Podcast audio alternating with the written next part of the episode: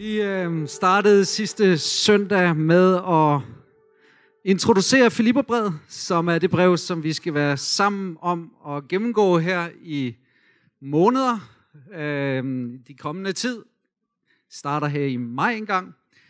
Og øh, i den forbindelse, så vil jeg gerne, at vi lige ser på anledningen til Filipperbrevet. Det er Paulus, som er i fængsel, givetvis i Rom, og øh, menigheden i Filippi, de er bekymret for Paulus, og de vil gerne udtrykke deres omsorg for ham. Øh, de sender de sender så Epafroditus til ham som hjælp og som en gave. Han skal støtte og assistere og være sådan en nærmest en au pair for ham i fængslet, og så har han en gave med også til ham. Og så bliver han desværre syg. Vi tror, at Epafroditus er en af lederne i kirken. Vi ved det ikke med sikkerhed, men han er, bliver syg, mens han er hos Paulus, og volder stor bekymring for menigheden i Filippi. Så Paulus sender ham tilbage, øh, da han er blevet rask, for at de ikke, som han siger, skal have en dobbelt bekymring, både at være bekymret for ham, men øh, at de kan se, at nu er han blevet rask. Og så med Epafroditus sender Paulus så et brev, og det er det brev, vi har, som vi kalder Filipperbrevet. Og det er et takkebrev til menigheden i Filippi mere end noget andet. Et brev, hvor Paulus siger tusind tak for den generøse gave. Tak for jeres hjælp. Tak fordi I tænker på mig. Tak fordi I ikke har glemt mig. Tak fordi I er så gode af hjertet. Og nu læser vi så i Filipperne 4 den tekst, som beskriver den her baggrund. Og hvis du har Bibelen med, må du gerne slå op, om det er på din telefon, på en iPad eller på en bogrulle. Værsgo. Du kan også se heroppe på skærmen, hvor der står vers 10 i kapitel 4. Jeg glæder mig meget i Herren over, at I nu om sider har lavet jeres omsorg for mig blomstre op. Det havde jeg også tidligere i sinde, men ikke mulighed for. Ikke sådan at forstå, at jeg mangler noget. For jeg har lært at nøjes med, hvad jeg har. Jeg kender til at have ringekår og kender til at have overflod.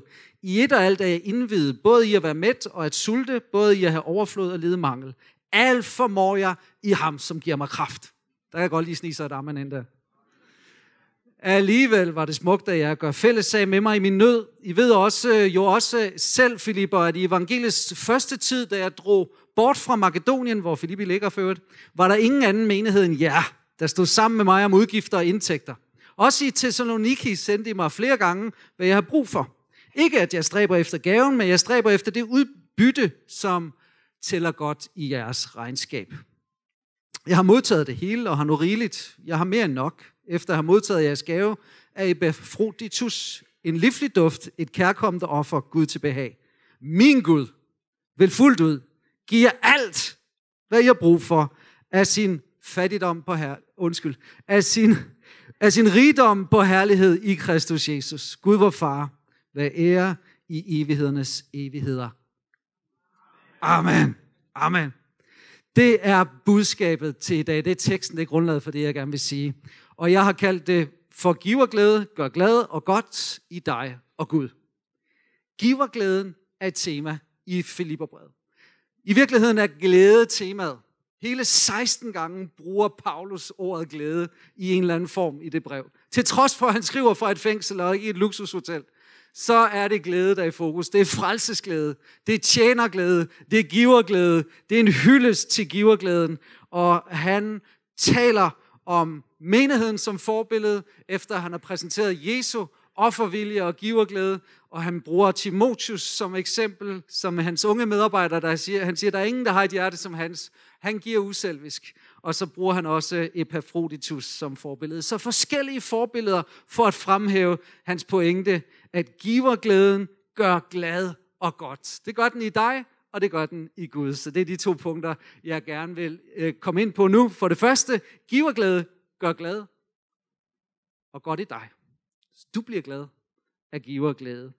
Så lad os prøve at se, hvad teksten siger ind i det. For det første, så siger Paulus, jeg glæder mig meget i Herren. Prøv lige at sige meget. Meget, det er ikke så let. selv, selv i Nordjylland er meget ikke så let. Øh, meget i Herren glæder han sig, fordi at den glæde, han taler om i hele brevet, det er en glæde i Herren. Glæd jer altid i Herren. Der står ikke, glæd jer altid, kære Filipper, i at I har overskud på bundlinjen, i at I har et godt job. Nej, så kunne vi ikke glæde os altid. For der er tider og perioder, vi går igennem, som er svære. Men når vi glæder os i Herren, så kan vi glæde os altid. Det er i ham, som er den samme i går, i dag og til evig tid. Der finder du konstant glæde, stabil glæde, robust glæde. Man taler så meget om robusthed i erhvervslivet. Man vil gerne have robuste medarbejdere. Jeg vil sige lige ud, robust glæde finder du kun i Jesus. Det er den robuste glæde. Der finder du alt, hvad der har med glæde, varig glæde, evig glæde at gøre. Ubetinget, uafhængig af omstændigheder. Det er den glæde, Paulus taler om, giverglæden, som vi finder i Herren. Det er et sikkert tegn på, at du er Guds barn. Når man sådan øh, ser film eller hører om personer, hvor man øh, er i tvivl om, at den person faren eller moren, så laver man en DNA-test, og så finder man ud af det. Ikke? Hvis du skulle lave en DNA-test på, er du virkelig Guds barn, så er der nogle glædeskilder, som du kan tjekke det af på. Er jeg fuld af glæde over frelsen? Det er et typisk kendetegn for et Guds barn, er det rigtigt? Ja, frelsesglæde. Tjenerglæden, det er også et andet symptom. Det flyder lige i hælen af frelsesglæden. Man kan ikke lade være med at tjene Jesus. Og så er der giverglæden. De kunne ikke lade være med at tale om det, de har set og hørt. De kunne ikke lade være med at give. De kunne ikke lade være med at modtage. Men de kunne heller ikke lade være med at møde behov hos hinanden. Sådan kendetegnedes den første kirke. Så et sikkert DNA-tegn, normaltilstanden i kristnes liv, det er, når vi er i Jesus, så er vi glade. Vi er ikke altid lykkelige. Det er nogle gange, vi hænger lidt med hovedet, ikke? Der er nogle gange, vi er lidt deprimerede. Ja, ja, ja, det har med humøret at gøre. Men tilstanden i bunden derinde, det er glæde. Og jeg ved godt, jeg har brugt den før, men jeg synes, den er så hyggelig med far og søn, der er ude og gå på marken, og så siger søn, far, se den kristne hest. Hvorfor er den kristen, siger faren. Jo, den hænger på hovedet, med hovedet. Og sådan er det mange, der kender de kristne. Vi er nogle gange måske kendt for lidt mere alvor, end vi burde være, fordi vi er glædens folk, og Gud er glædens Gud. Og Guds rige er retfærdighed, fred og glæde i Helligånden. Først retfærdighed. Puh, det er, det er, jeg er retfærdig, når jeg møder Jesus. Jeg er retfærdig med mig selv. Og så oplever vi fred, og med fred, så kommer glæden. Den der stabile, varige glæde. Den glæde havde filipperne oplevet som en cyklus i deres liv. Hvis du læser 2. Korinther 8, 1, 2, så bruger Paulus faktisk filipperne som forbillede. Og han siger, brødre, vi vil gøre jer bekendt med den nåde, Gud har vist. Der startede cyklusen, at de oplevede nåden, ufortjent godhed. Og så står der, under stor prøvelse og trængsel er deres overstrømmende glæde strømmet over i den rigeste gavmildhed. Kan I se, at du kan ikke opleve glæde, eller opleve noget fra Gud, ufortjent godhed, uden at opleve glæde.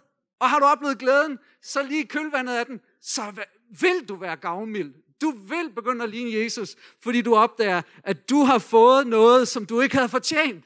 Du har fået det gratis og forintet. Du har ikke på nogen måde stået i forreste række og ligesom sagt, det der, det burde jeg have. Jeg burde godt nok blive reddet for en evig fortabelse, hvis du ser på mig og min måde at være på at leve på. Hold op.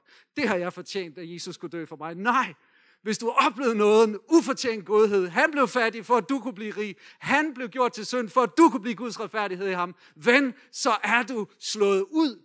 Du er gået for lidt, du har givet op, og så har du sagt, jeg vil ikke længere leve i fortjeneste, jeg vil leve i noget. Og det betyder glæde, og så betyder det gavmildhed. Du kan ikke opløse gavmildheden i dit liv. Du kan ikke opløse glæden i dit liv, uden at det er fordi, at nåden er væk. Er nåden der, så kommer glæden der. Så giver glæden får dig til at blomstre.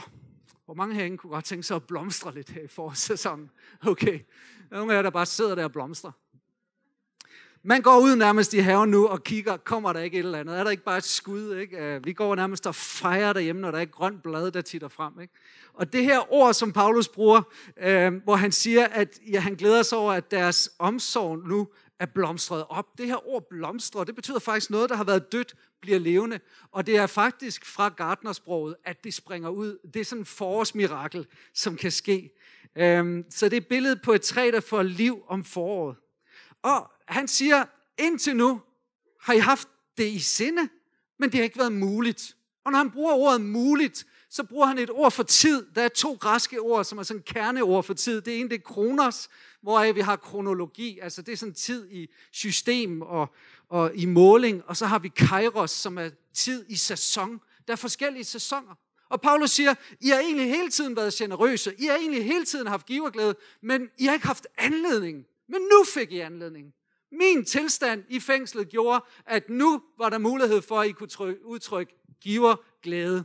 Og jeg har tænkt på det i mit eget liv. Jeg kan se både mit liv og min forældres liv, hvordan der har været perioder, sæsoner, hvor de har blomstret giverglæde. De har jo haft en fast rutine med at give, det har jeg kunne se, og jeg selv blev oplært i det fra tidlig barns ben. Det har været virkelig en stærk værdi i mit hjem. Men jeg har også kunne se, øh, for eksempel når de var i Maja på sådan en konference, og der skulle bygge skoler, holdt op der kunne jeg godt se, der var lidt diskussion nogle gange, hvor meget skal vi være med til? Når de skulle bygge kirke i Odense, de var præstepar dernede, holdt op, der kunne jeg godt se, der blev altså givet nogle basører, og jeg sad der som søn og tænkte, er der noget tilbage til mig? jeg blev lidt bekymret for, der, på mine egne vegne. Men der blev offret, der blev givet, for der var en sæson.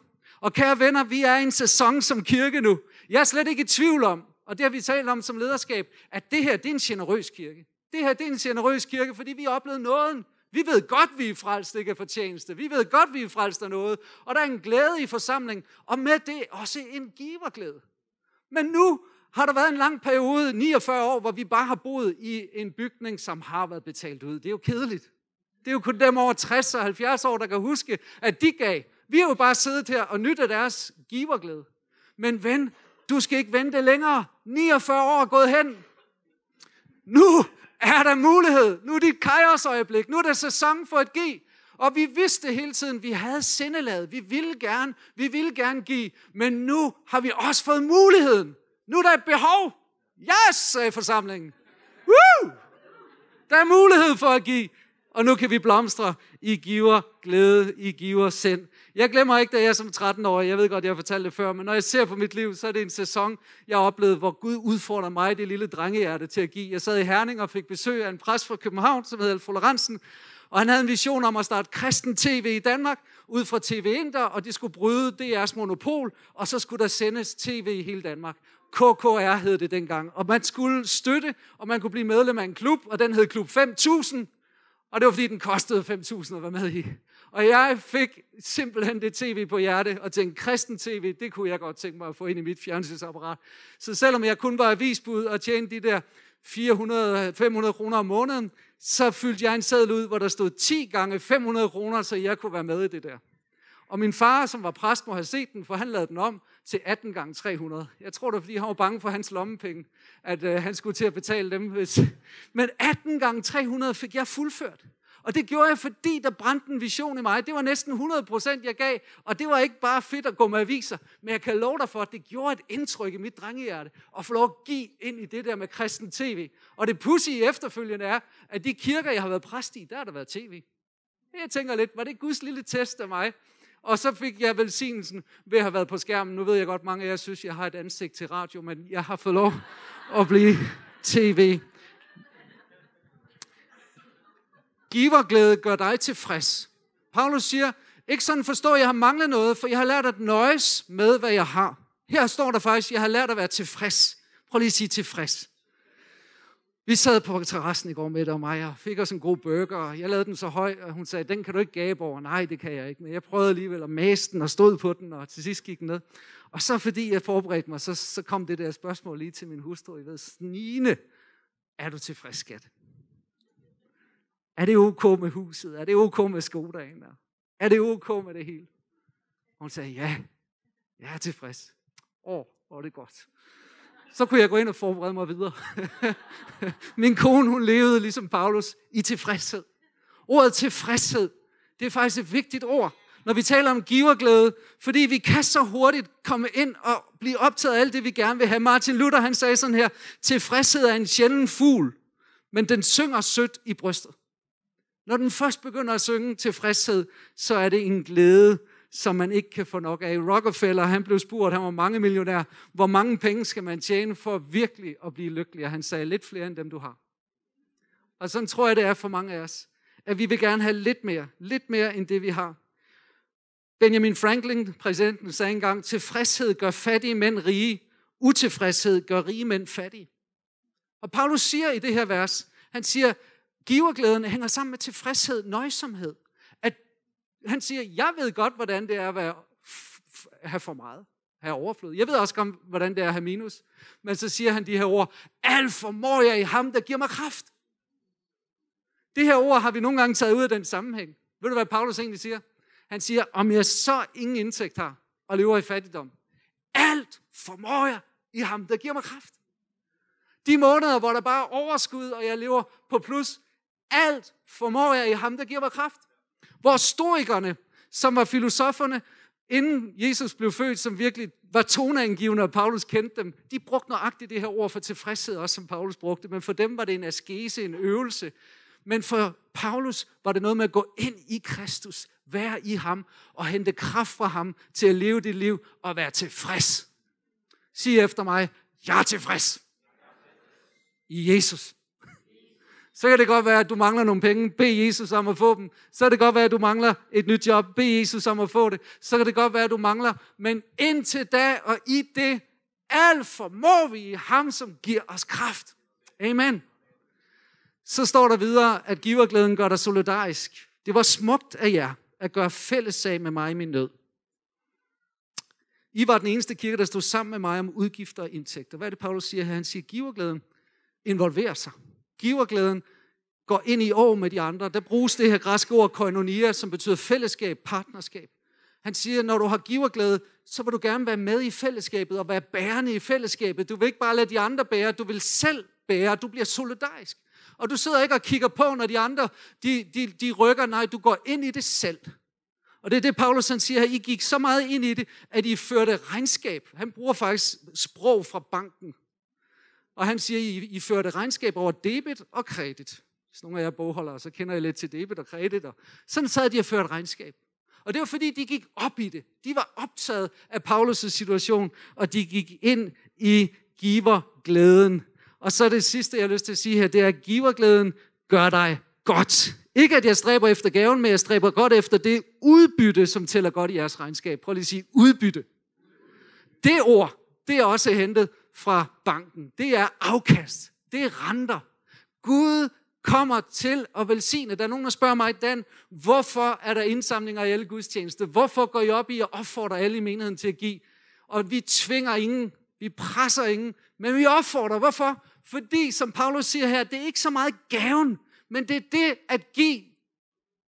Det gør vi os. Det gør noget ved os. Du lever anderledes.